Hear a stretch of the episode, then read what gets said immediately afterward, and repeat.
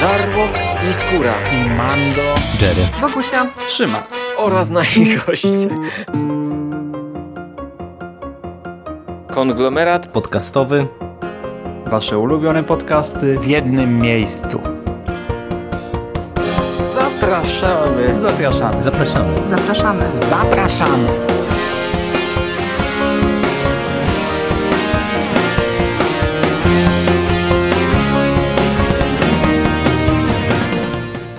Witam wszystkich w konglomeracie podcastowym na platformie, która zbiera wszystkie Wasze ulubione podcasty. I mamy dzisiaj nadzieję, że to nagranie nie będzie pechowe.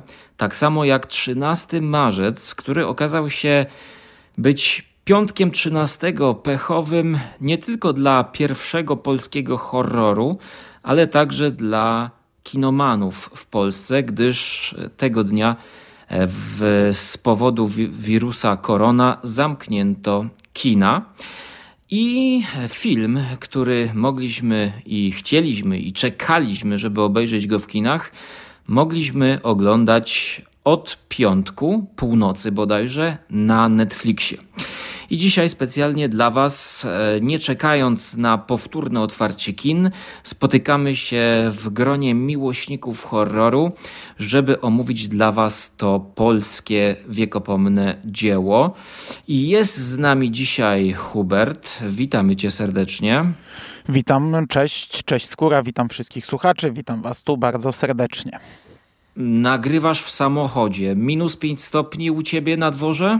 Nie wiem, ale jestem w rękawiczkach i dwóch kurtkach, wytrzymam. Nie zasnę. Okej, okay, warunki ciężkie. I jest z nami również e, Sik. Jak tam u ciebie sytuacja wygląda? Dobry wieczór, dobry wieczór, cześć Skóra, cześć Mando yy, i dobry wieczór słuchacze, bo jest, mamy właśnie wieczór, właściwie noc. Ja siedzę sobie w ciepełku, w t-shircie. Fantastycznie, bez skarpetek. zazdroszczę. Czyli odpowiednie warunki, żeby porozmawiać o horrorze. No i szanowni Państwo, mamy do czynienia ze filmem reklamowanym jako slasher. Pójdźmy od trailerów. Ale Jak może najpierw przy... powiedz, jaki to jest tytuł tego, tego filmu. Aha, widzisz, i tutaj dobrze zahaczyłeś, bo e, właśnie, właśnie. Ja tak dużo o tym myślałem, że, że nawet nie zdążyłem przedstawić. Czyli rozmawiamy dzisiaj o polskiej produkcji Bartosza Kowalskiego pod tytułem W lesie dziś nie zaśnie nikt. Aczkolwiek nie mam pewności, czy nie przekręciłem tej nazwy. Nie przekręciłeś, ale wiesz co, jeszcze zanim do trailerów, jak myślicie, czy to, co się wydarzyło, czyli kino i Netflix, wpłynie negatywnie czy pozytywnie na ten film? Bo ja wam powiem, że byłem zły, bo ja wielokrotnie podkreślam, że nie chodzę na polskie filmy do kina. Nie wiem, bojkotuję je z założenia. Od naprawdę kilkudziesięciu lat nie widziałem polskiego filmu. A na to chciałem iść, bo mam tak jakoś gdzieś tam z tyłu głowy, że jak powstaje polski horror, nawet jak tam to nie jest pierwszy polski horror, to trzeba dorzucić te, te, te pieniążki. Pamiętam kiedyś z tobą, Sik, o tym rozmawiałem przed prom roku, ty powiedziałeś, że trzeba zapłacić za polski horror, bo jeśli ten film nie zarobi, to, mm, to będą wiecznie powstawać komedie romantyczne. I ja chciałem iść na to do kina, ale z drugiej strony ten Netflix, kurczę, to bardzo dużym echem się odbiło. W ten dzień, gdy to wypłynęło, tak niespodziewanie, nikt się nie spodziewał, że to się pojawi na Netflixie, mm. to naprawdę cały mój internet huczał. Fakt, że to też ma ciemną stronę, bo potem przyszła fala recenzji y, bardzo negatywnych, nie zawsze słusznie negatywnych, czasami słusznie, czasami niesłusznie. Y, myślicie, że to zaszkodziło temu filmowi? No bo jednak, wiecie, on, on nie, nie wszedł do kin nie dlatego, że zamknięto kina, tylko już wcześniej w zasadzie dystrybutor yy, wycofał go. Powiedział, że będzie przełożony, bo, bo już była taka fala przełożeń, zanim podjęto decyzję o zamknięciu kin. I tutaj nagle, bachnie, nagle dostajemy premierę Ale na Netflixie. Wiesz nie? co, tydzień wcześniej, tydzień przed 13 przełożyli. Nie wiem, czy to był pełen tydzień, ale tak. No już ogłosili, ogłosili, że nie będzie, tak. Bo to miało lecieć w maratonie, takim fajnym maratonie. Mhm ja w sumie nawet rozważałem, czy na ten maraton nie iść. No ale z drugiej strony nie wiem, jak to finansowo się odbije na twórcach. Czy to będzie strata dla nich, czy nie. Ale o filmie było głośno. Nie wiem, czy nie głośniej nie, niż jakby w kinie wylądował. Nie wiem, jak to będzie wyglądało, bo tam dał Polski Instytut Sztuki Filmowej chyba pieniądze na niego. Yy, nie wiem, jak to wygląda z tej strony. Czy oni będą musieli te pieniądze oddać, czy nie mam pojęcia. No po pierwsze, moim zdaniem, tutaj już zahaczę o to, jaki mam mm, zdanie na tego filmu.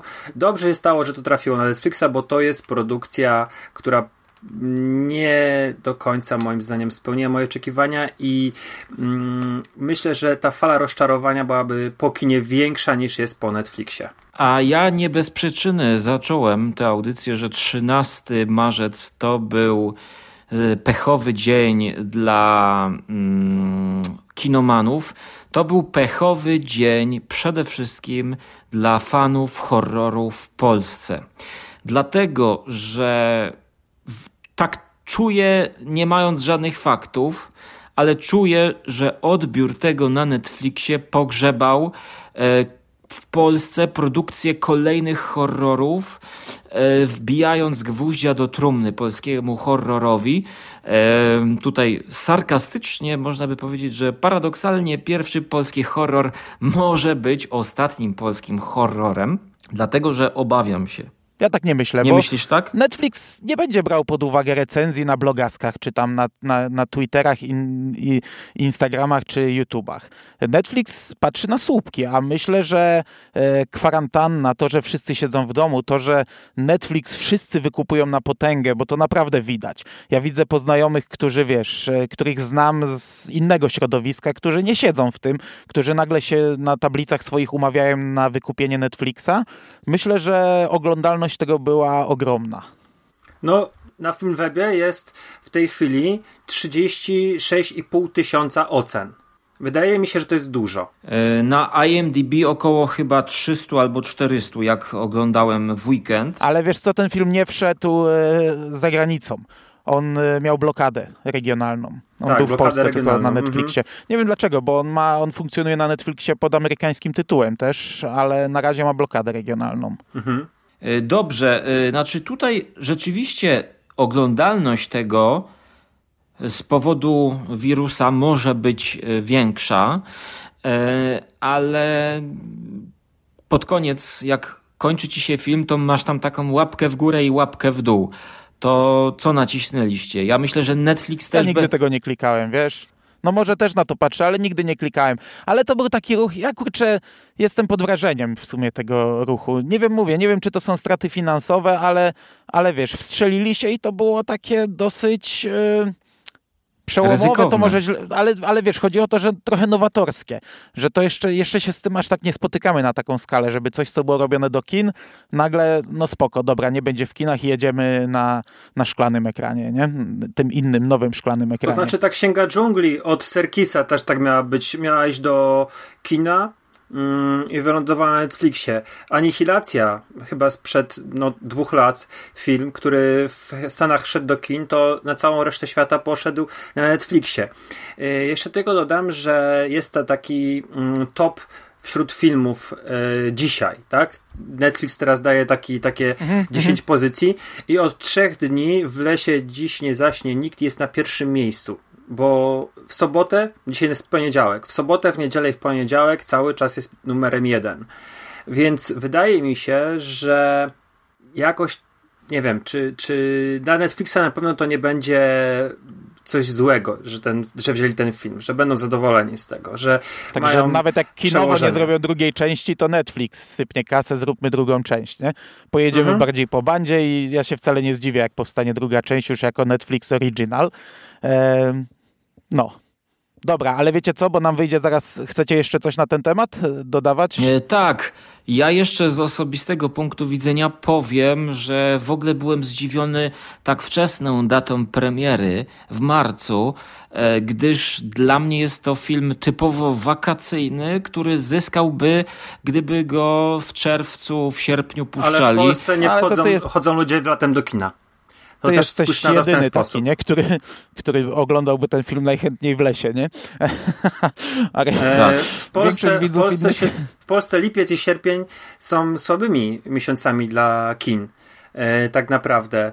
Mm, czerwiec jest dobry, maj jest dobry, e, już we wrześniu się trochę lepiej robi. Natomiast zwróć uwagę, że jednak ludzie mają inne rozrywki latem niż kino. I nawet to po salach widać często, że w, wakacje tak za bardzo ludzi nie ma. Może są młodzi ludzie trochę tam przychodzą do tego kina, bo mają jakąś tam rozrywkę, siedzą w, w mieście, ale raczej się preferuje inne mm, typy spędzenia czasu latem. Yy, tak, Rafale, tylko ja mówię to z perspektywy podcastera, który nagrywa serię filmy wakacyjne. No tak, wiem, wiem, wiem, wiem, wiem o co chodzi. No ale... Mm, no. No ale tak, tak, tak mi się wydaje, że, że dobry, to był dobry wiesz, to był piątek 13, następny piątek 13 był w listopadzie. Piątek 13 ma dobre konotacje, bo ma konotacje ze slasherem, bo sam tytuł, a druga sprawa, no to jest taki dzień, gdzie teoretycznie no to jest taki pechowy i on ma konotację właśnie z horrorem. Yy, od wielu lat się, wiesz, nawet w jakichś takich paskach komiksowych ten piątek 13 gdzieś się przewija, że coś takiego niefortunnego, złego się dzieje yy, i to był dobry strzał, żeby wypuścić ten film w piątek 13. Niekoniecznie w listopadzie, bo ten film by może za długo le leżał. Oni go kręcili w zeszłym roku. Piątek 13 w marcu, gdzie te kina nie są tak jeszcze wtedy, nie były oblężone, nie mieliśmy żadnych, wiesz, takiej konkurencji, to był dobry termin do tego horroru. No teraz pamiętajcie, że jak zejdzie blokada, jak kina ruszą, to nagle pójdzie fala zaległych premier, nie? E, także tej konkurencji będzie dużo. Te premiery i tak się rozłożą, bo to nie pójdzie przecież w jeden miesiąc, ale będzie konkurencja duża, jak kina się otworzą po e, skończonej epidemii. Także moim zdaniem ale to myślisz, był... że Myślisz, że ponownie to wejdzie na kina jeszcze na duży ekran? Nie, myślę, że nie. nie. Myślę już, że nie. nie. Myślę, że na 100% mhm. nie. Ale wiecie co, bo nam się zaraz zrobi kobyła, a ja bym chciał jeszcze jedną kwestię, zanim przejdziemy do e, zwiastunów i do fabuły gatunkowość. Ja wiem, że już o tym mówiliście w przekaście dużo, już wiem, że ten, wiesz, ten, ten, pierwszy polski horror to nie ma co się nad tym pastwić, ale według mnie pierwszy polski slasher to też jest y, złe określenie i dajcie mi tu minutę, bo nie wiem, mhm. czy ja tego nie robię błędnie, ale ja zawsze rozróżniałem te dwa gatunki filmu. Dla mnie slasher i według definicji, no to to jest grupa y, młodych ludzi, którzy są tam zabijani przez mordercę, nie? Tak w uproszczonej, y, w uproszczonym skrócie. No ale wiesz, widziałem dziesiątki slasherów, to zawsze ja to kojarzyłem z tym takim troszeczkę no na wyrost to słowo kryminałem, czyli że masz, e, tożsamość mordercy jest istotna, e, morderca jest gdzieś tam zamaskowany. Naprawdę widziałem kilkadziesiąt slasherów, mogę wymienić jeden czy dwa, gdzie nie był zamaskowany.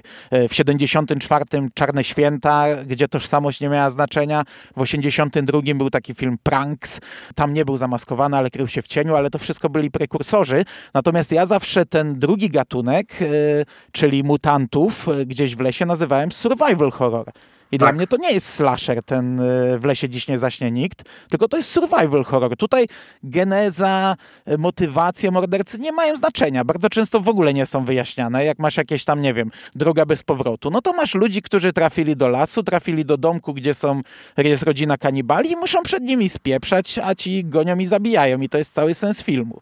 Tu nie Zgadzam ma głębszej, głębszej żadnej ideologii i tak samo jest w lesie dziś nie zaśnie nikt. Tutaj Y, tożsamość morderców, ich motywacje są nieistotne. W filmie co prawda wyjaśnili absurdalnie tym tam kamieniem z kosmosu, ale dla mnie to było zbędne. Tego nie musiało być, nie? No ale to jest ten sam gatunek filmu dla mnie, co nie wiem, Wzgórza mają oczy, e, trochę mhm. teksańska masakra piłą mechaniczną, nie wiem, e, w Mistrzach Horroru pierwszy odcinek e, tego, mm, tego kolesia od fantazmu, to był incydent na leśnej trasie, tam też był taki księżycowa gęba, taki mutant, który ścigał dwójkę bohaterów jego geneza, to dlaczego on był mutantem, to było nieistotne totalnie. W tych filmach chodzi tylko o to, żeby się wyżynać, żeby było gore i masakra.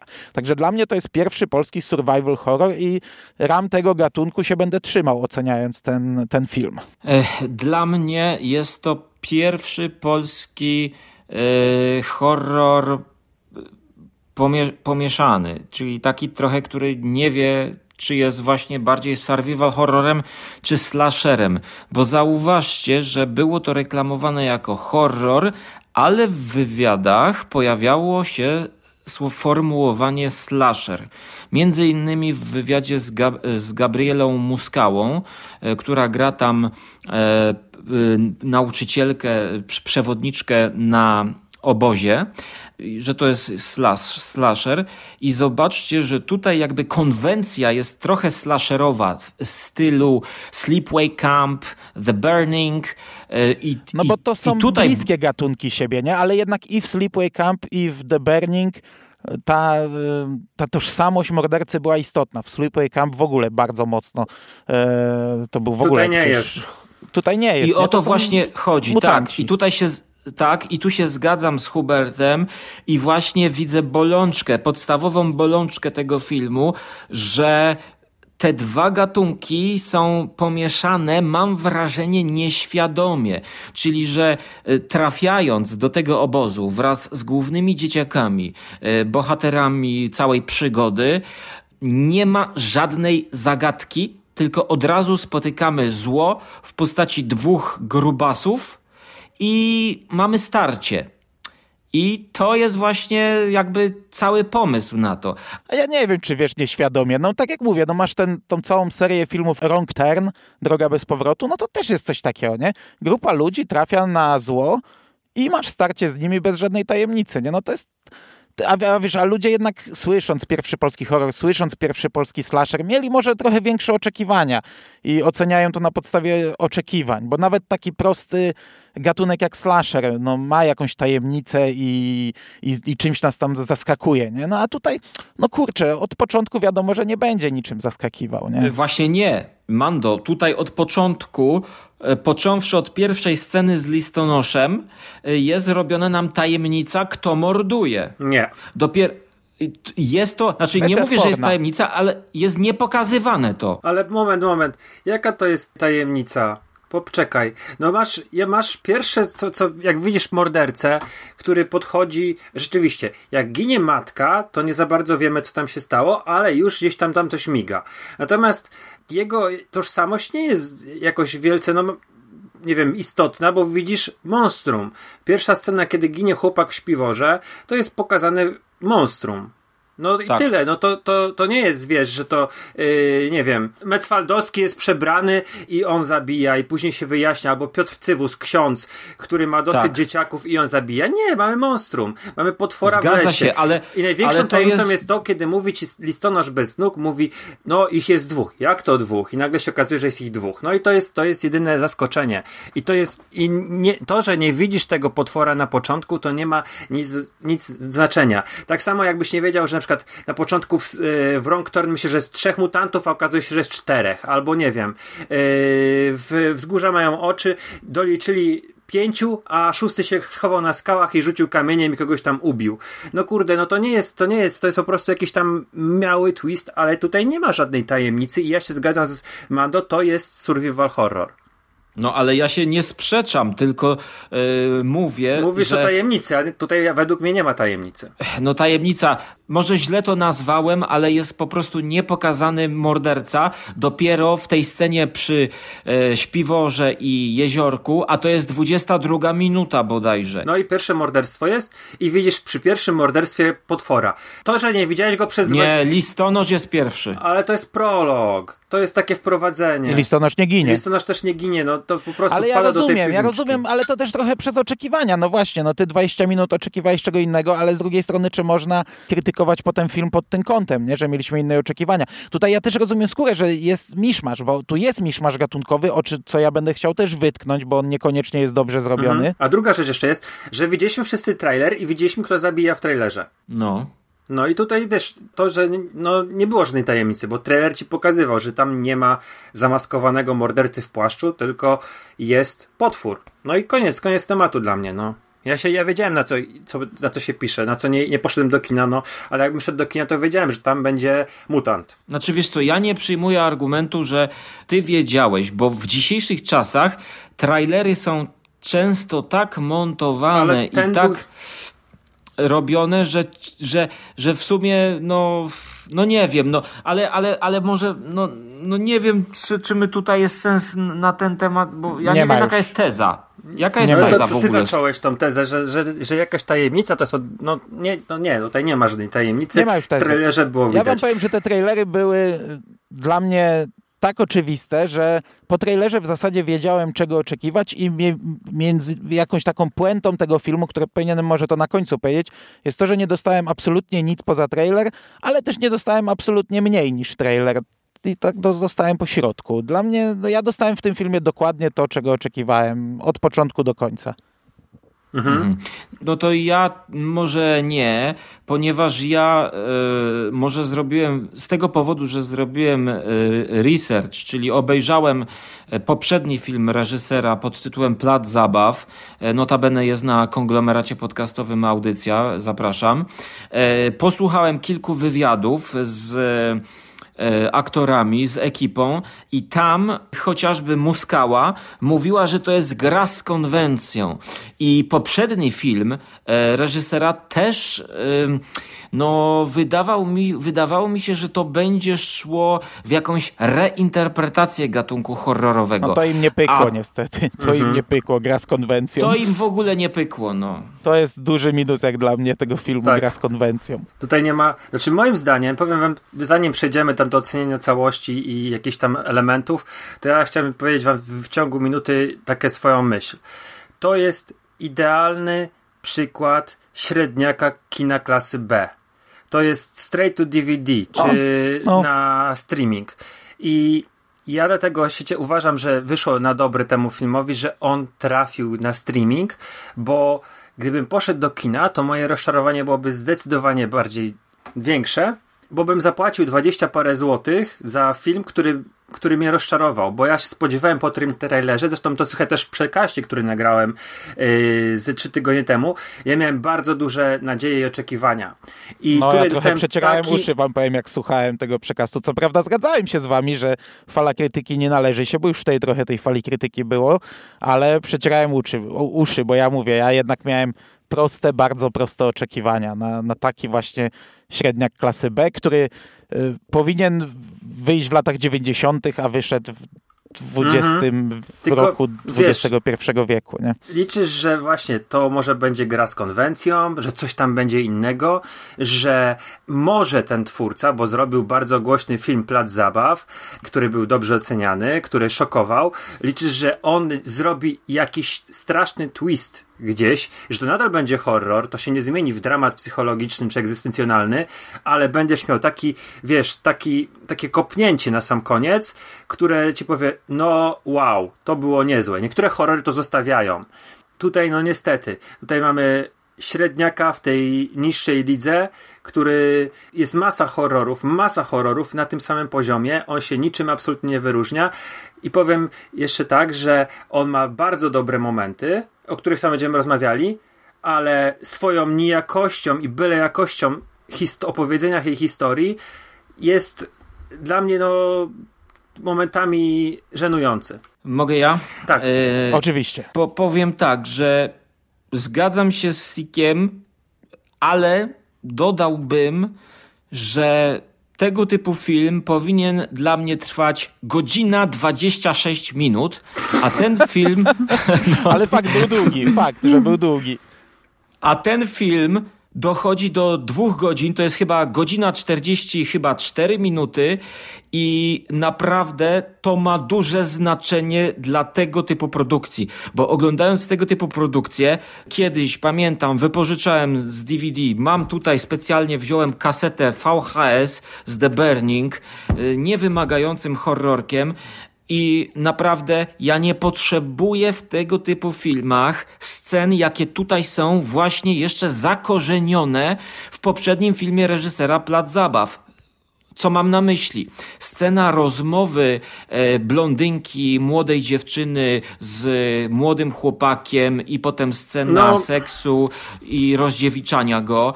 Jest to tak zagrane, jakby facet kręcił dramat obyczajowy o problemach dzieciach, dzieci, ja co nie... potrafi, potrafi, potrafi to robić. Poczekaj, jeszcze powiem drugi przykład. E, no, zapom- wypadło mi z głowy. No, no dawaj, dawaj teraz że ci wybiłem, no. ale no ja się tutaj nie zgadzam, bo te podbudowanie tych charakterów jest bardzo fajne. Uważam, że młodzi aktorzy, ta cała piątka była świetna. I to jest wielki plus tego filmu. I, i to podbudowanie tych postaci, że jeden jest, wiesz, yy, w ogóle no life'em graczem, który ma prawie milion subów i miał jechać do Korei na turniej, ale starzy go wysłali na obóz, bo nie zdał. I to wiesz, tutaj jest też taki pokazany konflikt pokoleń, bo gej mówi o tym, że jego ojciec w ogóle nie dopuszcza do, do myśli, yy, do swojej głowy, że on jest gejem. Ten chłopak ma rodziców, którzy go zamiast puścić go na ten turniej, dobra, graj, wygraj to pół miliona szkoła, matura to nie jest jedyna ścieżka kariery, jaką możesz. Maturę można zawsze zrobić wiesz, to jest taki pokazany konflikt pokoleń z oczu tych dzieciaków. Ta blondynka mówi, że ona jest wyzwolona, ona ma ochotę uprawiać seks z nowo poznanym chłopakiem, to to robi, ale nie jest dziwką, tak w cudzysłowie mówię, bo liczy, że po prostu jest wyzwolona, jest, nie jest głupia. Też gra taką głupawą blondynkę, która nie może sobie na przykład, nie wiem, złożyć namiotu, bo jej to facet zrobi. Tak samo nawet te retrospekcje yy, bohaterki, kurczę, teraz zapomniałem. Yy, moment, moment. Julia, tak? E, Zosia, Zosia, bo Julia, ma, Julia Wieniawa ma, a Zosia jej postać ma. Te retrospekcje, jak ona w tym samochodzie jedzie z siostrą i z ojcem i matką, później ten samochód płonie, one mi tak do końca nie grały, nie były do końca potrzebne, ale one podbudowują postać. I ja się tutaj z tobą absolutnie nie zgadzam. Te rozmowy między tymi dzieciakami były fajne. To też pokazało, że to nie są głupie nastolatki, tylko są nastolatki, które trafiły tam na ten obóz z problemami, i one są jakieś, one mają swoje jakieś tam, nie wiem, aspiracje, marzenia. I często może trafiły tam przez niezrozumienie swoich starych, no bo tak było, więc tutaj te ich charaktery obrazują nam, że reżyser, twórca chciał zobrazować jakiś konflikt pokoleń, tak mnie się przynajmniej wydaje. Wiesz, to takie głupie, głupi obóz, gdzie opiekunka Y, którą gra Gabriela Muskała, nie ma walkie-talkie albo jakieś krótkofalówki, albo tego telefonu komórkowego, żeby wezwać pomoc, jakby się coś stało, tylko idą, wiesz, trzy dni w las i ewentualnie mogą wrócić się chłopak spada, rozcina nogę, a gdyby na przykład złamał, kość mu wyszła i oni są w tym lesie i nie mogą nic zrobić, bo ona nie ma telefonu przy sobie. Bo, bo jest tak, tak, wiesz, dorośli są mają klapki na oczach, nie? I moim zdaniem to jest fajnie zobrazowane tymi rozmowami, więc ja tutaj odbijam twój argument, absolutnie się z nim nie zgadzam. To jest super zrobione i to nie jest akurat wada tego filmu. Ja się nie zgadzam, bo tak, yy, zapomniałem ten drugi przykład, nie wysłuchałeś mnie do końca. No bo nie miałeś drugiego przykładu. Bo zapomniałeś. Miałem, tylko mi przerwałeś. jedziesz, jedziesz, jedziesz. I teraz. zapomniałem o tym przykładzie ale mam wrażenie, że nie, nie, nie słuchasz o co mi chodzi, bo ja mówię tak, że te sceny rozmowy są wyreżyserowane właśnie w konwencji poważnej, poważnej rozmowy, dyskursu jakiegoś tutaj, no można tak się wgryzać, jak ty to przed chwilą zrobiłeś. Ale to nie jest wada, Coś, no bo... No on, ale poczekaj, ale daj poczekaj, mi się daj wypowiedzieć, mu, ja nie przerywajmy sobie. Nie przerywajmy sobie. Zauważ sposób kręcenia tych dialogów. Nagle staje się cicho, kamera stoi w miejscu, możemy wsłuchać się w ich słowa.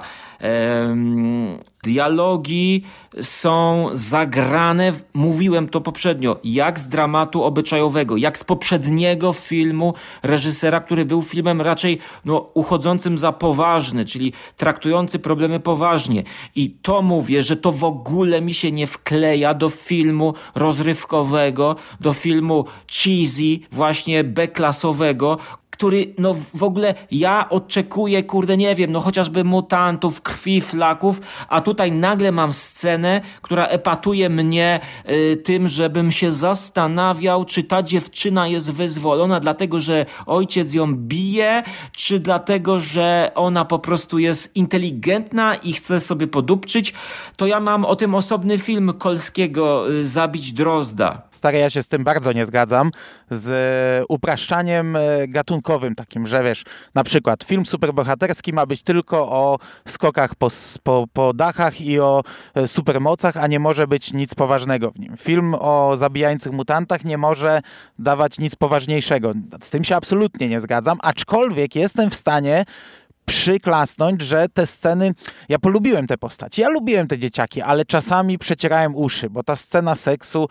to, jak ona jest wykonana, jak dochodzi do tego ta durna muzyka w ogóle, nie wiem, po prostu od czapy, to było dla mnie dziwne. Zwierzenia geja były przedziwaczne po prostu. On mówił poważne rzeczy i to by było fajne, ale to było tak z dupy i tak nagle i tak w ogóle bez sensu rzucone i jeszcze potem przerwane mhm. tą sceną morderstwa blondyny, która była tak przekomiczna, że ja naprawdę przecierałem oczy, tak wiesz, aż sobie musiałem cofnąć i się naprawdę śmiałem w głos, nie? Śmiałem się na tej scenie, chociaż to było niezamierzone, e, to, to, to nie było celowe, żebym ja się śmiał pewnie, ale też celowo zrobili to w taki sposób, no. Ja, ja mam mieszane uczucia, bo z jednej strony zgadzam się z Sikiem i ja nie mam problemu, jeśli w filmie o mutantach mordujących mam dodatkowy dramat i dodatkową jakąś tam głębszą rzecz. Nie widziałem tego wcześniejszego filmu oczywiście, o którym wspomina Skóra, ale z drugiej strony niektóre rzeczy tu były tak dziwnie wrzucone w środek e, czegoś totalnie niepasującego, że e, nie do końca mi to grało. Dobrze, tobie nie bardziej nie pasowały dwie inne sceny. Ale ja muszę jeszcze się wypowiedzieć, bo wychodzę na debila w tej rozmowie. Nie, absolutnie nie. Absolutnie. Nie, nie wychodzisz. Nie, ale powiem dlaczego, bo ja, broń Boże, nie postuluję, aby była, wiesz, ja, jakaś gatunkowa czystość yy, i tak jakby jak Führer zarządza, to ma być slasher, to to nic więcej. Nie. Tylko po prostu, no, w tym filmie, już się nie wgłębiając, te sceny poważnych rozmów. Jeszcze były dwie takie, które nie mogę sobie teraz przypomnieć. Y, po prostu były jak wyjęte z innego filmu i tylko mi spowalniały survival horror. I były wyjęte z innej beczki. I tyle mhm. w mojej oceny takiej odczuciowej. Natomiast to, co ty mówiłeś, Sik, czyli to, że ona nie ma telefonu, to jest przykład też złego napisania tego filmu, bo mnie się to na początku strasznie podobało, że oni odkładają telefony do kosza, że to jest e, obóz dla uzależnionych, bo to ba w bardzo prosty sposób ułatwia reżyserowi poprowadzenie historii, gdzie wiesz, w XXI wieku telefony w horrorze tego typu są utrudnieniem, nie? A tutaj one zostały automatycznie wymazane z historii, nie? No ale to, co ty mówisz, no opiekunowie muszą mieć telefony, no przecież to jest tak idiotyczne, że się w pale nie mieści. Z drugiej strony mamy obok kościół, ale nie ma żadnego miasta, nie? Tam nie ma w ogóle ludzi. Środek lasu, i jest kościół w lesie, nie? gdzie kościół raczej się stawia w środku miasta bądź wioski. I no ma się wrażenie, teraz... ma się, poczekaj, jeszcze skończę myśl, ma się wrażenie, że masz wielką połać lasu, w którym jest obóz, ksiądz, e, listonosz, policjant i prostytutka. Tak. I teraz ci powiem, co jeszcze mi właśnie bardziej sceny, które mi nie pasowały, to Właśnie, rozmowa policjanta z prostytutką. Lubaszenkę bardzo lubię, ale ta rozmowa z policjantem, z tą prostytutką, to jest jak pięć do nosa, kiedy on się skarży, jak to jest mu źle być policjantem na prowincji. I druga scena to jest zachowanie księdza. Piotr Cywus jest księdzem w kościele na totalnym odludziu. I tutaj wystarczyłoby półminutowa scenka, która nadałaby kontekst, na przykład on tam odprawia mszę na tym obozie, a później pół minuty rozmowy z Mecwaldowskim, która by wyglądała w ten sposób. Mszę na, w następnym tygodniu już odprawimy w kościele takim i takim, wszyscy przyjdziecie. Ale co tam robi kościół? Kiedyś tam była wioska, teraz jest tylko jedno gospodarstwo gdzieś tam w okolicy, Wszyscy się wyprowadzili, domy się rozpadły, ale kościół jest yy, zabytkiem i Unia dała pieniądze. Myślisz, dlaczego ja jeżdżę Mercedesem? Bo sobie wiesz, i taka rozmowa luźna. I mhm. wtedy widzisz, ksiądz wycina gałęzie, przygotowuje kościół, który wygląda jak odnowiony, są krzesełka, więc sobie po prostu tak dopowiadasz. Wziął, przygarnął kasę, na kościółek w lesie, który wyremontował, chapnął trochę pieniędzy z Unii, jeździ merolem i to jest wytłumaczona scena. I dlatego powiedziałem, że rzeczy są obrażające karygodnie, niektóre sceny, bo brakuje takiej bardzo krótkiej ekspozycji do niektórych rzeczy. I to by wystarczyło. I już by nie było tego zarzutu, że ksiądz jest, jest kościół. A sama scena z księdzem w kościele to też nie pasuje do tego filmu. To jest tak od czapy, kiedy Bartek wchodzi do kościoła i nagle budzi się na krzesełku. Przecież to mogło być zupełnie inaczej rozegrane. Bartek mógł stracić tam przytomność, zasnąć w objęciach tego księdza. On ale to chodziło o twist, nie? Żebyś przez chwilę myślał, że to ksiądz też jest mordercą. Tu no, chodziło wiem, o twist nieudolnie zrobiony. I teraz właśnie... I teraz ja, ja teraz e, właśnie powiem, jeśli miałbym powiedzieć złośliwie, widzisz, gdybyś mi nie przerywał, to właśnie bym powiedział te dwie sceny, które ty wymieniłeś i teraz mogę powiedzieć tak. Ale one oj, nie są poważne, one są komediowe. Ale Rafale, Rafale, Rafale, nie przerywaj, przecież bo zapomnij. w horrorze no tak, nie przery... w horrorze jest miejsce na poważny dyskurs. To jest pokazanie, że księża są tacy i tacy. Jeszcze jedna tam scena była kuźwa, mam pamięć dzisiaj tragiczną. Właśnie te sceny, które ty przed chwilą wymieniłeś. Słabo się przygotowałeś. No nie zrobiłem notatek, jak od 8 lat zwykle. E... Te sceny, które ty wymieniłeś, są dla mnie właśnie w tym samym typie, co scena przy e, jeziorku poważnej rozmowy. I potem ta scena, którą wymienił Hubert, rozmowa y, coming out geja, też zaliczam do tej szufladki.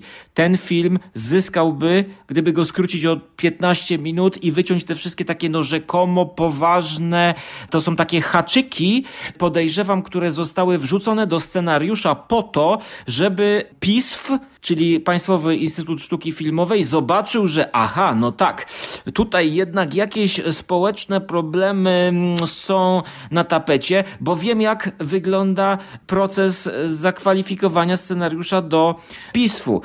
Y, są pewne punkty, które trzeba odhaczyć i żeby zyskać y, punkt w punktacji za scenariusz y, punkty, znaczy punkty, no jakby punktację, żeby scenariusz przeszedł i dostał dofinansowanie. Więc dla mnie to było typowo utylitarne zagranie po prostu oglądając to, łapałem się za głowę, po kiego grzyba dają tyle motywów. Gej, dojrzewanie dzieci, ksiądz, e, rozbita rodzina. Za dużo grzybów w barszczu dla mnie. I, i tutaj widzisz, e, też negatywnie oceniam te sceny. Pomimo, że na przykład Cyrwusa lubię. No. U tych dzieciaków najbardziej wiarygodny jest Julek. On jest przez większość filmu naprawdę, chyba większość jego E, wypowiedzi jest naprawdę wiarygodna i ta bójka chłopaków, gdzie oni tam się sobie dogryzają, że ile selfie sobie robisz, czy na siłkę chodzisz. Ja wiem, że to jest takie proste, nie? Takie, ale to, to było dla mnie najbardziej wiarygodne. Bardziej wiarygodne niż koleś, który nagle się zwierza, że jest gejem, nie? Z dupy ludziom dopiero poznanym. To znaczy, wiesz, różnie bywa. No oni tam siedzą przy tym namiocie, gdzie widzą jakąś krew na drzewie. Ta Aniela, wiesz, yy, którą gra Wiktoria Gąsiewska, jest, wiesz, po prostu, no rozmowa dwójki, dwójki młodzieży która jest w jakiejś tam stresującej sytuacji i zaczynają rozmawiać. No ciężko mi powiedzieć, że no, to jest... spoko, ja wiem, my jesteśmy starzy ludzie, młodzi, możliwe, że w, możliwe, że u młodych to inaczej Ciężko mi to wygląda. właśnie też no. oceniać właśnie. No ciężko mi oceniać, bo jak byłem nastolatkiem, to ja też poplałem z każdym, wiesz, nowo napotkanym i zaraz był moim najlepszym kumplem i, i wiesz, i piłem z nim browary i, i wiesz, no to po prostu to trochę inaczej to trzeba patrzeć. Masz 30, ja mam 35 lat, ty masz 40 zaraz i, no już no, mam ponad. O kurde. Sorry, przepraszam. Nie, dziękuję. Skóra jest przed 60, więc no, wiesz, ciężko takim starym dziadom jak nam oceniać młodzież. Tak mnie się przynajmniej wydaje. Dla mnie młodzież była super w tym filmie. E, ale, ale, reszta... ja, ale czy, no przepraszam, bo przerywam była, teraz ja. Była debilami. Cała reszta była dla mnie dorosłych, była debilami. A, Jezus Maria, skończmy ten wątek. Skończ już skóra. Teraz ty jeszcze chcesz coś dopowiedzieć i skończmy go już. Moim zdaniem my tutaj nie ocenialiśmy młodzieży, tylko po prostu postacie, jakie są w tym filmie. No tak, Mam no, wrażenie... to, ja postać młodzieży oceniam dobrze. W ogóle wyobrażacie sobie, że bierzemy losowy slasher i dyskutujemy 20 minut o bohaterach, czy ich wypowiedzi mają sens, czy nie. Ja wiem, że na początku powiedziałem, że to nie jest do końca slasher, no ale... Kończ, tak, kończ, skóra, Tylko, kończ. że to jest jeszcze tak, że to jest ten polski slasher, polski survival horror, pierwszy. I wiesz, no jakoś tak też wypadałoby go dogłębniej ocenić mhm. niż ten Wrong Turn 4 na przykład, który byśmy oceniali. Akurat 4 był dobry chyba. Dwójka była dobra. Zimowy, też. skóra, umiałeś obejrzeć. Zimowy Wrong Turn, mówiłeś, że będziesz oglądał. On był dobry. No słuchaj, zacząłem oglądać zacząłem oglądać od e, futuresów, od, od bonusów. Nie, myślałem, że od połowy, od środka. Nie, zrobiłem eksperyment. Zacząłem oglądać od making offa i jak zobaczyłem podejście reżysera do, e, do, całego, do całej produkcji, to zwątpiłem. E, natomiast wracając do, wracając do polskiego slashera pierwszego, to ja tutaj jeszcze też nie mogę się zgodzić, ponieważ jest film, e, który ja bym wcześniej podał jako slasher z lat 60. Polski film, znaczy odcinek serialu dokładnie, na który trafiłem przypadkiem. E, jest to film, e, serial wyreżyserowany przez Stanisława Bareję, Kapitan Sowa na tropie i tam pod koniec lat 60. był coś ala slasher, thriller, bardziej inspirowany albo bardziej na e, poziomie e, bawy, który wtedy się rodził, e, gdzie właśnie nie była pokazana tożsamość mordercy, tylko tak jak w filmach Giallo było pokazane, jak morderca morduje w rękawiczkach. To było bardzo prekursorskie i więcej slashera, mot motywów i elementów było właśnie w Kapitanie Sowa w jednym odcinku, nie pamiętam teraz tytułu, niż w tym dziele reklamowanym jako pierwszy polski horror.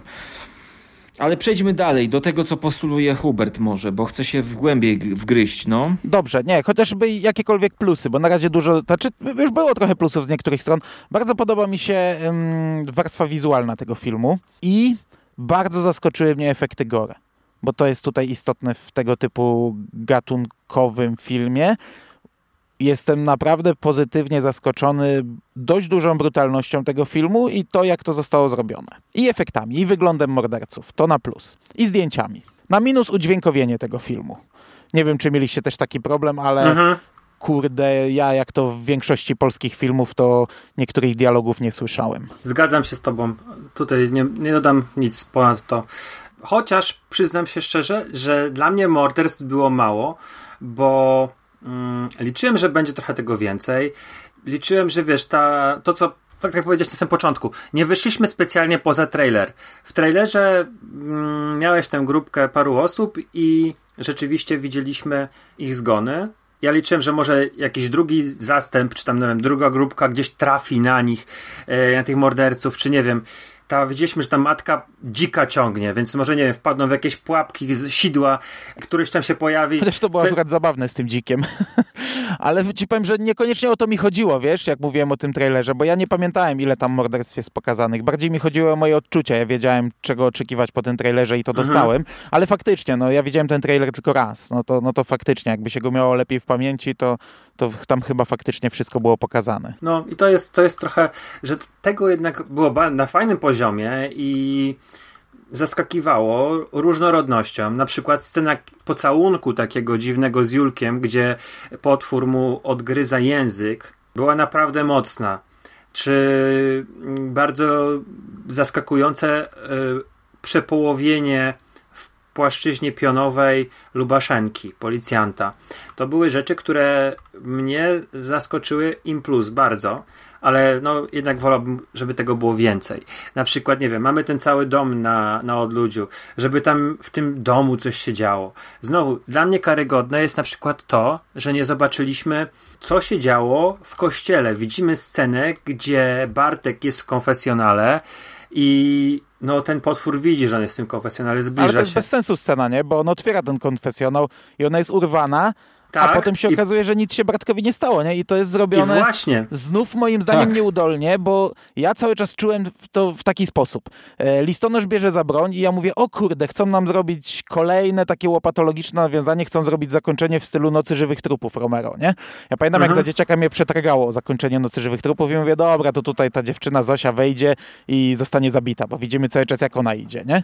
Ona idzie, idzie, listonosz trzyma broń, ona idzie, drzwi się otwierają, listonosz trzyma broń, strzela, ktoś zginął, a że nie mieli kogo zabić, to nagle, o kurde, Bartek z dupy się wziął, nie? Kompletnie z tyłka, gdzie tam była urwana scena w kościele, gdzie mutant do niego podszedł i, i można by narzekać, to czemu go nie zabił, czemu tak urwali scenę, no ale tak. teraz jak się okazuje, że on żyje, to już w ogóle, nie? Wycięli, jak on stamtąd wyszedł, to, to było Ale mogli zrobić w tym kościele wyjścia, jakąś nie? rozpierduchę, gdzie ten y, Bartek bierze Jezusa na krzyżu i uderza tego e, no nie, potwora no, w, w głowę. filmie to by nie przeszło. Bierze monstrancję i wbija mu w twarz, o, kurde. O. I to by było miał taki wydźwięk i, i, nie wiem, i rzuca hasło typu Jesus Christ Superpower, czy coś takiego, wiesz, niby też komediowe, ale wiesz, coś takiego i ucieka z tego kościoła. Jest urwana i później trafia. No można było tak samo ten dom wykorzystać mieli bardzo fajne miejsca, w których mogli to zrobić i niestety nie wykorzystali tego w pełni. Dlatego mówię, no dla mnie to. Kościół to jest... by nie przeszedł, stary. Kościół A... by nie przeszedł. Dom faktycznie, ale dom już był wykorzystywany też w wielu horrorach, no ale to jeszcze nie, nie jest powód, żeby tu nie wykorzystać, nie? Jednak wszystko mhm. inne wykorzystali, co, no. co się tam dało. No bo to właśnie to, że oni nie pokazali, co się dzieje po otwarciu konfesjonału, to to jest ta osławiona gra z konwencją może, no. No ale wiesz, to gdyby tam było wyjście i jakaś możliwość ucieczki, ale tam absolutnie nie była, nie? Otwiera koleś, który ma super siłę, i taki gość nie ma szans go obejść. No, no dlatego sobie kpię, że to jest, no, że to jest no. gra z konwencją. Ale właśnie jak mówisz jest... o tej konwencji, ja bym chciał do tego też wrócić dość mocno, bo to jest dla mnie dość duży minus tego filmu. E, po Ale poczekaj, takie... poczekaj, no, dobra, dobra, bo sorry, pytałeś je o plusy. Dobrze. To teraz ja dam swoje plusy. Halo? No, no czekam, czekam, no czekam. Myślałem, że nie ma żadnych.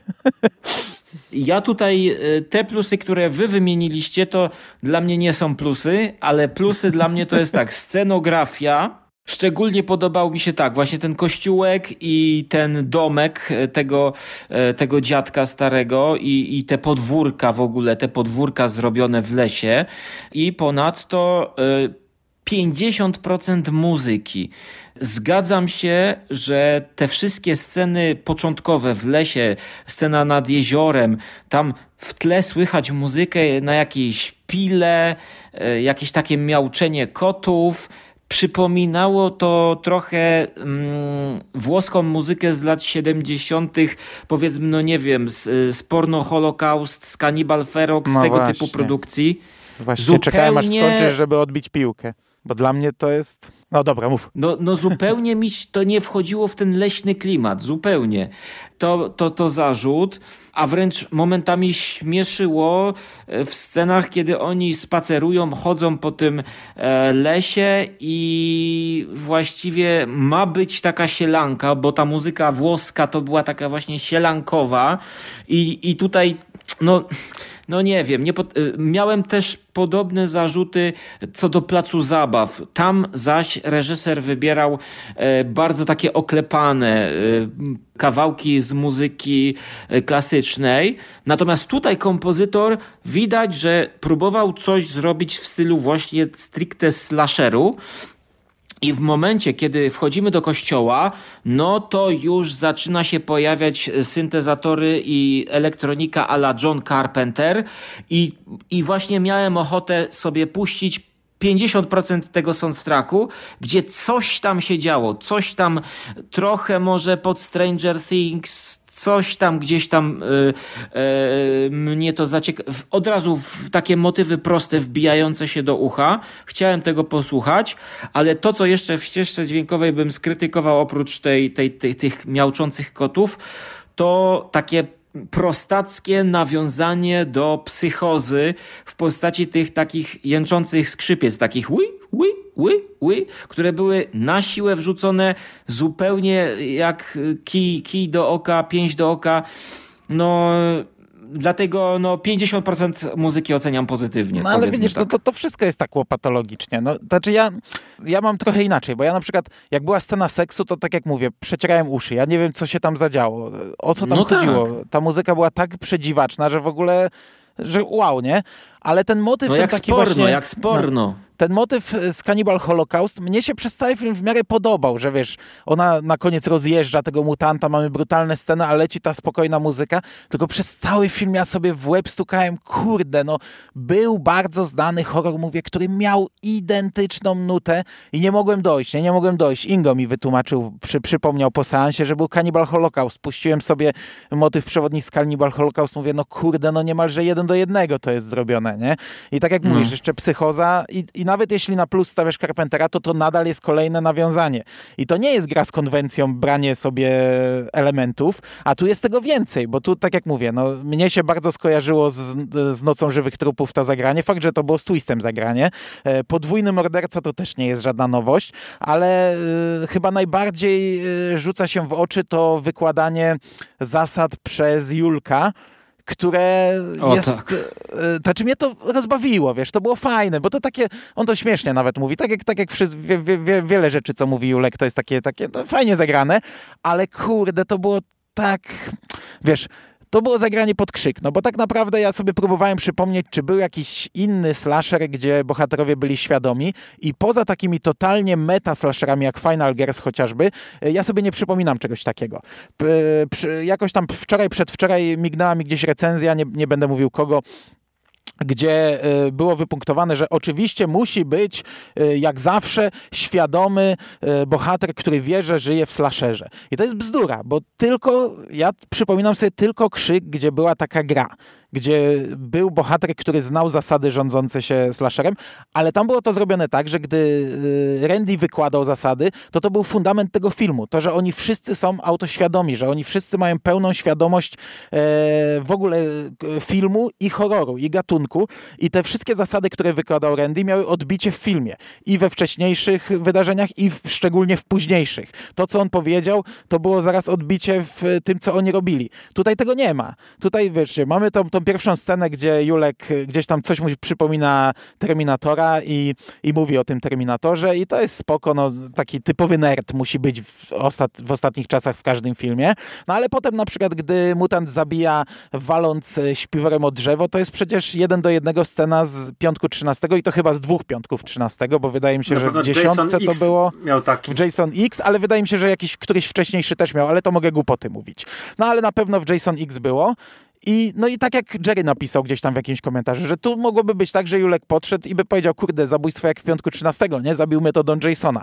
No nie było tego. Z kolei nagle mówi o pięciu zasadach przeżycia w horrorze, co nie ma żadnego potem odbicia na dalszą część filmu. To jest po prostu powiedziane, żeby powiedzieć, żeby było nawiązanie do yy, kultowej sceny z krzyku, gdzie Randy w każdej części, a później kto inny wykładał zasady horroru. Koniec. Tyle. No i o tym się pisze właśnie i, tak jak mówisz, twórcy mówili, że będą grali w konwencję, konwencją horroru. I autorzy recenzji piszą, że to jest taki trochę meta-horror, że próbuje być meta-horrorem. Ja się z tym absolutnie nie zgadzam. To nie jest meta-horror i to nie jest granie konwencjami. To jest e, wybranie sobie różnych elementów, wrzucenie i, i w zasadzie ich po prostu przetworzenie bez, yy, bezmyślnie trochę. Tak jak w tym przypadku z zasadami totalnie bezmyślnie. Tak, a ja podam na przykładzie tego nawiązania do Terminatora, że to jest po prostu jak dla debili robione, ponieważ dobre nawiązanie to jest takie, gdzie tylko wtajemniczeni mogą to odczytać, moim zdaniem, bo tutaj wystarczyłoby, żeby oni do siebie powiedzieli tym dialogiem z filmu, a nie opowiadali znowu, o tak, o to Terminatora. Oglądałaś Terminatora? No, oglądałem Terminatora. Ha, no to może powiemy teraz dialogiem z Terminatora? No to powiedzmy. I mówią. Trochę tak, trochę się zgadzam. Znaczy nawiązania mhm. mogą być bardziej oczywiste i mniej oczywiste, fajniejsze są te mniej oczywiste, no ale no, no, to się zgadzam, tu jest bardzo łopatologiczne. No to jeszcze ja powiem z plusów, bo tu też warto wspomnieć, że film jest świetnie doświetlony, bardzo ładnie to wszystko widać, każda scena jest no od strony operatorskiej, od tej technicznej jest na bardzo wysokim poziomie i widzimy bardzo fajnie tą piwnicę i ten las i scena seksu jest ładnie nakręcona. Ten księżyc, który niby odbija od wody się, tak? To światło mhm. jest, jest zrobione super i widać, że twórcy też wiedzieli, że mają bardzo od tej strony dobre, dobrze to zrobione, bo są takie sceny, jak oni idą przez las, ten las jest pokazywany, no, no, no, no widać, że lubią takie, mm, ten twórca chciał, chciał to pokazać, wiedział, że to może pokazać i rzadko kiedy się zdarza, wiesz, mm, takie, wiesz, pokazywanie przyrody w, w, w tym, w filmie, który, który jest taką właśnie prostą rozrywką. No także tutaj od z mojej strony no jeszcze muszę pochwalić młodych aktorów.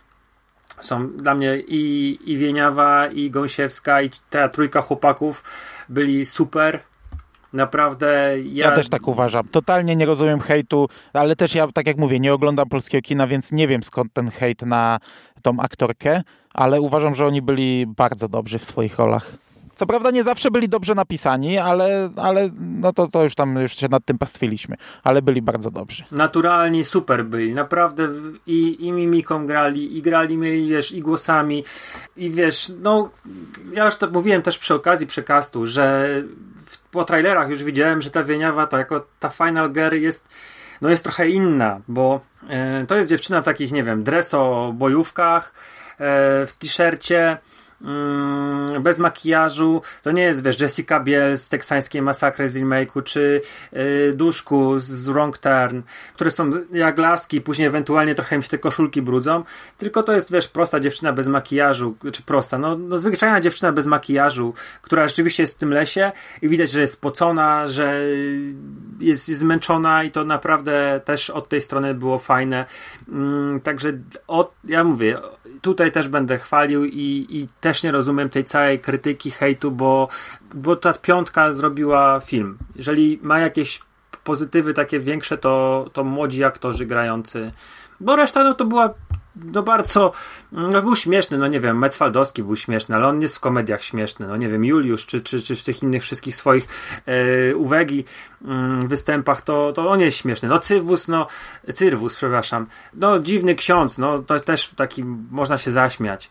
E, Lubaszenko ma śmieszny dialog i prostytutka, no też, o, o, o ha, ha, ha, ale to było właśnie niekoniecznie bym ich chwalił, bo oni po prostu zrobili swoje, natomiast ta, ta piątka młodzieży była ekstra. Ale ja nie wiem o jakim hejcie na młodych y, aktorów mówisz, więc jak mówisz, że jest jakiś hejt, to podaj jakiś konkret, bo ja na przykład nie wiem o czym mówisz i, i ciężko jest mi się odnieść. Nie, tu nie ma konkretów. Ogólnie y, przebija mi przez internet raczej bardzo negatywne opinie na temat tej pani, ale to chyba jest po prostu, y, wiesz, mm, cecha charakterystyczna naszego narodu, naszego i w ogóle chyba ludzkości, bo pamiętam jak Wiedźmina oglądałem, to też mi przebijało cały czas o tym polskim aktorze, ja nie pamiętam jak on się... Na... Musiał, o. Musiał. E, mhm. Totalnie tego nie rozumiałem, ale też aktora znałem tylko chyba z rodzinki.pl, także w zasadzie nie wiem skąd to się wzięło, a w Wiedźminie wypadł moim zdaniem super i to w ogóle był super element Wiedźmina, że, że, że taki sobie polski aktor mógł, mógł sobie zagrać rolę e, mówioną, e, także Także ja nie, nie podam ci tu przykładów, wiesz, po prostu ja, ja inaczej na to patrzę. Ale to chyba. się przewija, wiesz, masz, masz komentarze, nie wiem, pod, pod jakimś tam recenzją kanału, mm, czy to podcastu i pięć, na przykład jest 10 komentarzy i pięć gdzieś tam próbują wbić szpilę tej dziewczynie. No nie, niesłusznie. No uważam, że do, do, do innych elementów tu się można przyczepić, a nie do jej gry aktorskiej. Bo ona jest naprawdę bardzo dobra w tej filmie. Ja powiem, ja nie wiem jak e, Hubert, ale e, Jeremy mówił, że jest pewien problem z, ze sceną seksu i tutaj jakby no nie chcę się przyczepiać do aktorki mm, tej e, blondynki. E, zaraz powiem wam, jak, jak ta dziewczyna miała na imię. Nie Julia, tylko... Wiktoria Gąsiewska. Wiktoria, tak, tak, tak. Wiktoria Gąsiewska to jest aktorka. Aniela postać się nazywa. E, Wiktoria Gąsiewska, aktorka. Ja rozmawiałem z Jerem i tutaj jakby miał problem taki jak i ja, że ta scena trochę była niesmaczna. No tam sami jesteście niesmaczni. Ale dobra, mów, nie przerywam.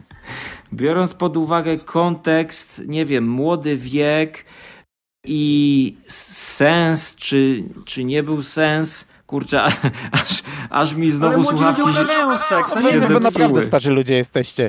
To ja po 40 jestem. A ten, no Czekaj, no teraz dopiero Stary, was no. słyszę. No, no, no. Ale młodzi ludzie uprawiają seks, co jest w nim niesmacznego? Ale to jest Była truizm, że uprawiają seks. Ja wiem o tym. To jest truizm. No to nie wiem, co jest niesmacznego w uprawianiu seksu. Nad jeziorem, ładnie nakręcona, nie jakieś, wiesz, jest tylko pokazana topless naga. Naprawdę nie ma nic ujmującego ani obrzydliwego w tej scenie. Dla mnie ta scena była zbyt perwersyjna, po prostu. Yy, biorąc pod uwagę młody wiek aktorki i. 21 no, lat dziewczyna ma. Tak, no, no.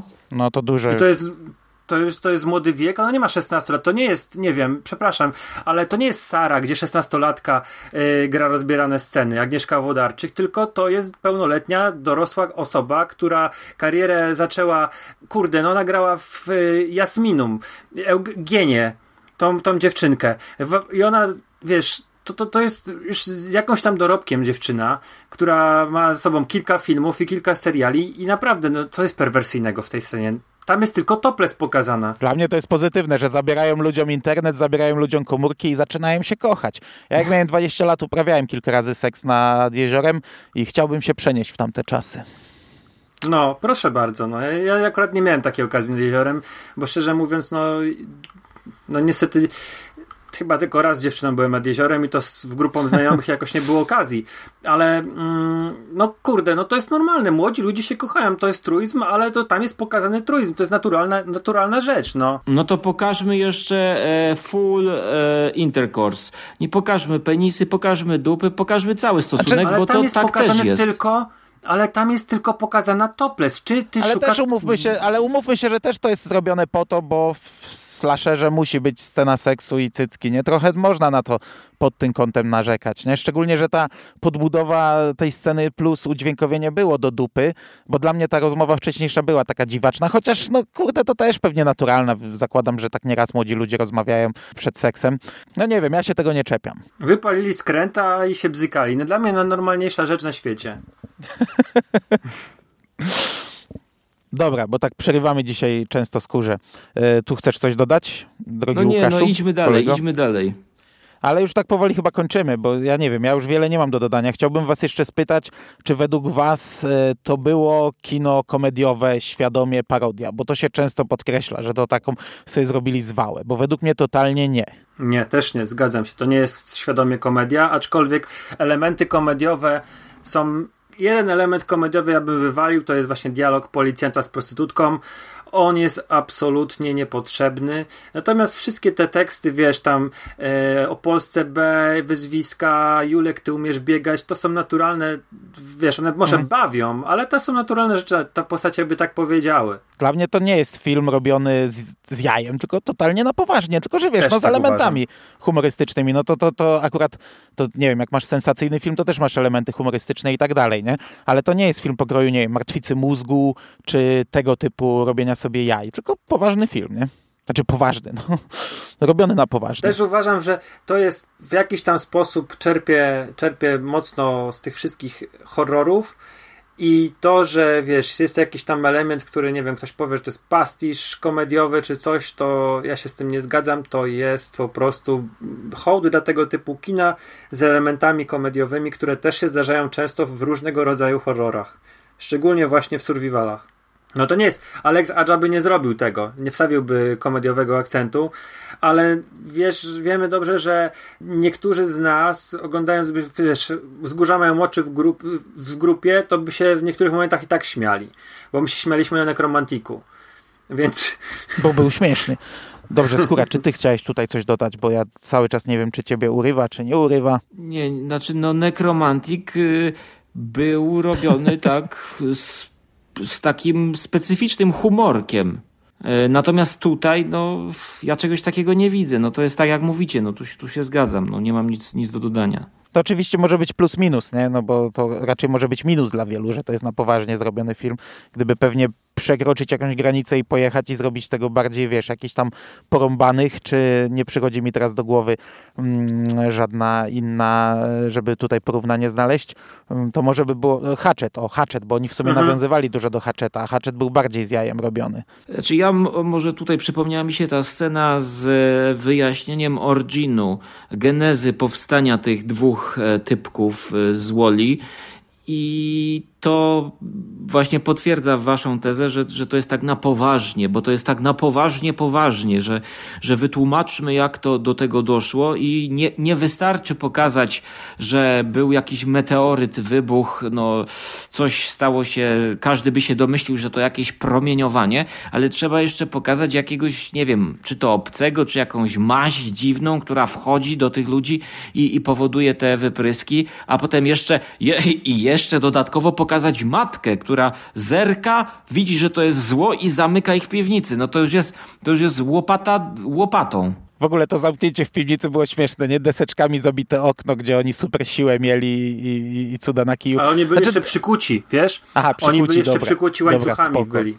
Znaczy dla mnie ta scena jest totalnie, tak jak powiedziałem na początku, niepotrzebna. Ja nie oczekuję genezy morderców i zbędna, bo ten wybuch na niebie był, był słaby. Ten, jeszcze ten kosmiczny kamień, dobra, ja to mogę kupić, nie? Chociaż też jest słabe. Jedyne co to ma uzasadnić, bo równie dobrze to mogło być, wiesz, zabita, wiochami, zabita dechami wiocha, wiesz, rodzeństwo parzące się ze sobą i w końcu mutujące rodzina. To, to, to, wiem, że to już było sto razy, no ale, ale i, i, i wychodzą mutanty dziwne, dziwne.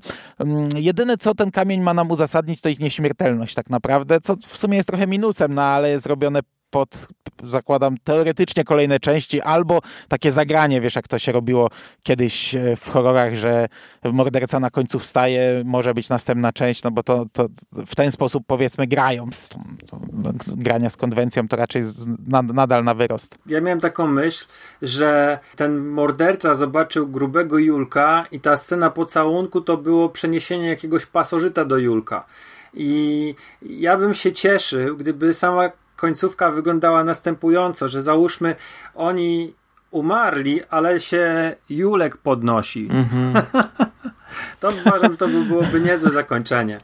Ej, ale ta e, scena po napisach, jak idą ci w e, mundurach, jest w sumie zabawna. Mi się ona podobała. Znaczy po napisach, mm-hmm. po tytule. Tak. Nie, ale to było też to było takie właśnie bez pomysłu. No tutaj Rafał ma lepszy pomysł, żeby, żeby już dać spokój tamtym grubasom, a tutaj Julek y, byłby postacią e, zmutowaną. Y, no, ja a mieliście takie wrażenie, takie jakieś odczucie, że oglądacie jakiś tam spin-off e, Toxic, Toxika, Toxic ten mm, Tromy? Nie, absolutnie. Znaczy ja żadnego... nie oglądałem chyba Toksika nigdy, ale no, e, przesadzenie powiedzmy tego zmutowania na ich twarzach, no to jest. Myślę, że wygląd, że wyglądem chcieli trochę nawiązać no. do tego może. E, nie, nie, nie, nie wiem, czy nie, nie czułem, żebym oglądał spin-off, no ale tak jak mówię, nie oglądałem Toksika. Tak mi się wydaje, że nie widziałem nigdy tego filmu. E, ale to, tą przesadą w zmutowaniu, wydaje mi się, że to było też kolejne takie świadome nawiązanie jakieś do, do tego. Aczkolwiek niekoniecznie, no bo mówię, taki Jason też był zmutowany na, na pewnych etapach bardzo mocno. Tak. Dobra, ja, ja, już też jestem za tym, żeby powoli kończyć. Nie wiem, na koniec chcia, mam tu jeszcze, jeszcze mam zapisane... jedno pytanie. Ja mam no jedno pytanie do was. Czy uważacie, że, bo już Skurat nawet trochę powiedział, że to może być ostatni, ale czy uważacie, że ten film miał jakąkolwiek szansę w dystrybucji nawet kinowej zmienić coś na, mm, jeżeli chodzi o horror w Polsce?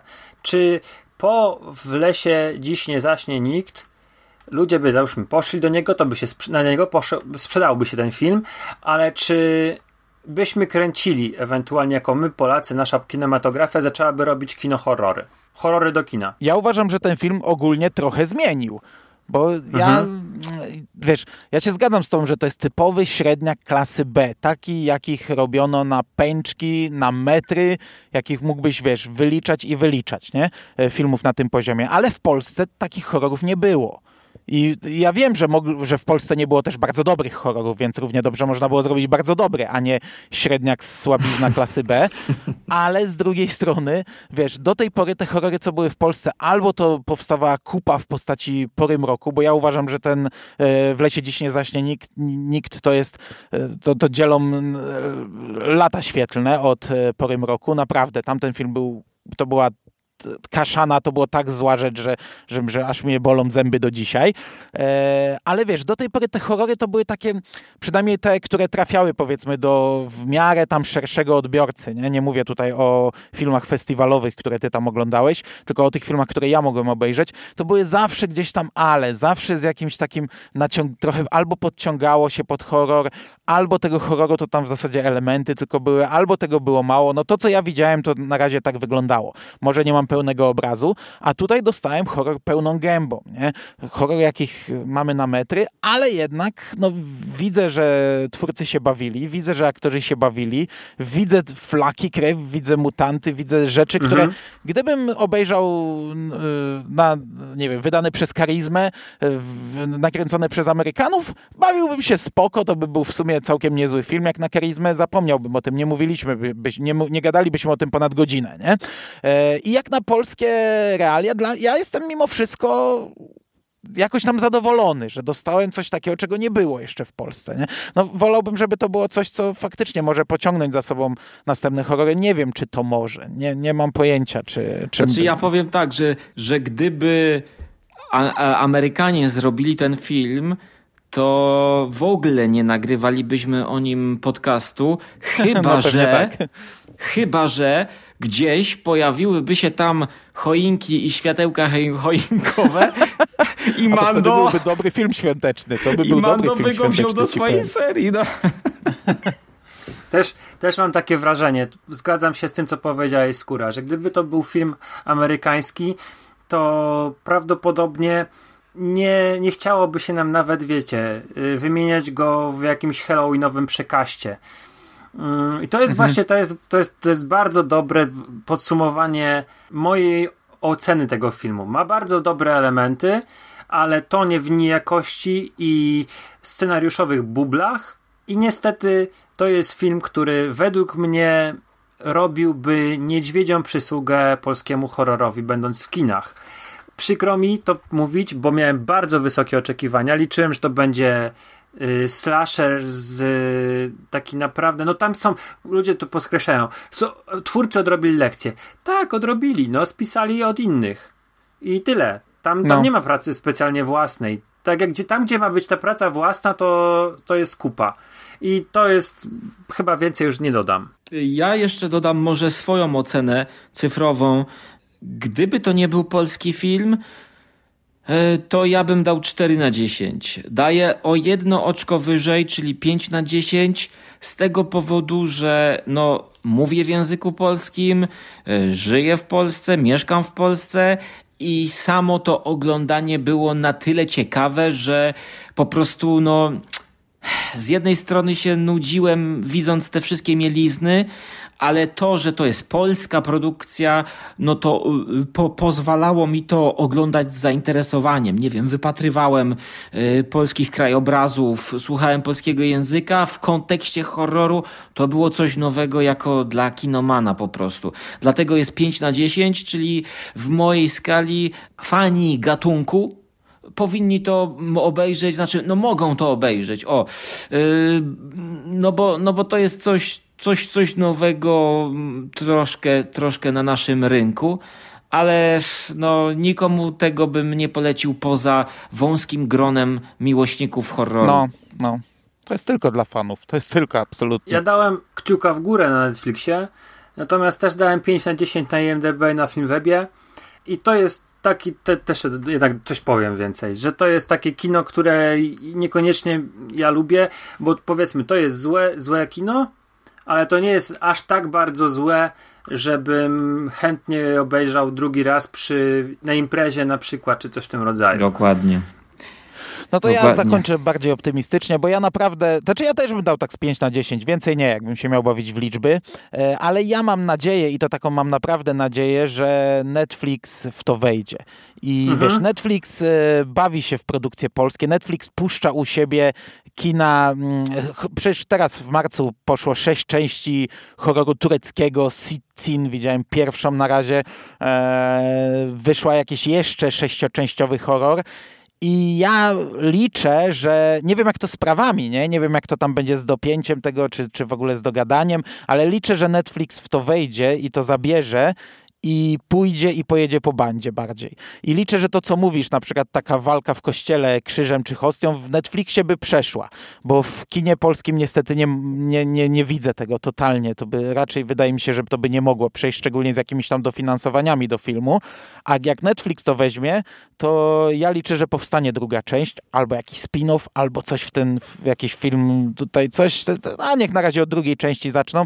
I ja wcale nie widzę, że to jest gwóźdź do trumny ja mam nadzieję, że ten właśnie ten tutaj ta epidemia i to wszystko spowoduje, że, że ten, to może z tego powstać kurczę seria e, horrorów, jakiej w Polsce nie mieliśmy nigdy. I taką mam nadzieję. A ja bym, a ja powiem ci tak, że rozumiem podejście, ale wolałbym, że jeżeli Netflix ma to wziąć, to żeby nie wciskał się w franczyzę i robienie serii o dwóch mutantach, tylko żeby spróbował zrobić, no nie wiem, jakiś naprawdę slasher, wymyślił, stworzył jakąś maskę, która mogłaby być jakąś ikoną, polskiego slashera, horroru, bo tutaj, tutaj nawet będzie slasher, może być bardziej energetyczny, może być bardziej pojechany, szalony, też bym to postulował, ale to nadal no, będzie dwóch mutantów.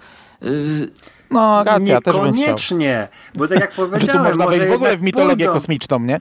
Może właśnie, może pójdą, że on, oni jedzą mięso, muszą mieć mięso, ale zarażają. Ale tego bym nie chciał. Julek, Ale wstaje... znaczy, żeby w mitologię kosmiczną weszli, bym nie chciał. Ale patrz, zobaczcie, posłuchajcie. I zaczyna się druga część w momencie, kiedy się kończy pierwsza. Oni tam podjeżdżają pod ten dom.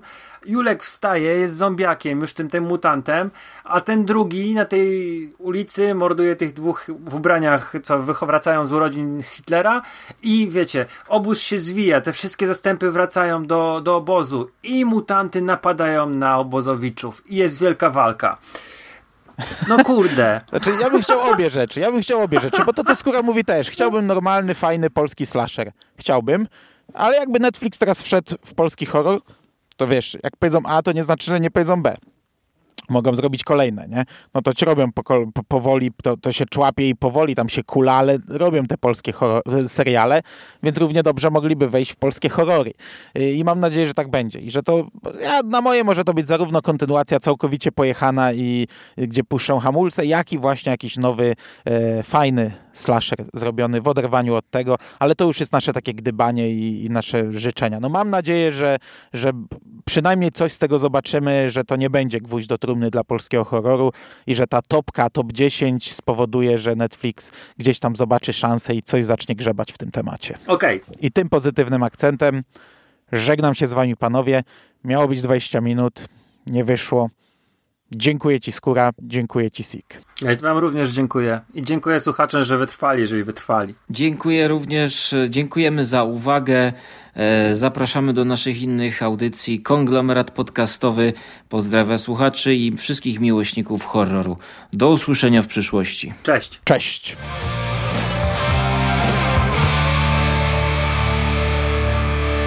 You finished? We gonna do now? What are we gonna do? It's over. Nothing is over. Nothing. You just don't turn it off.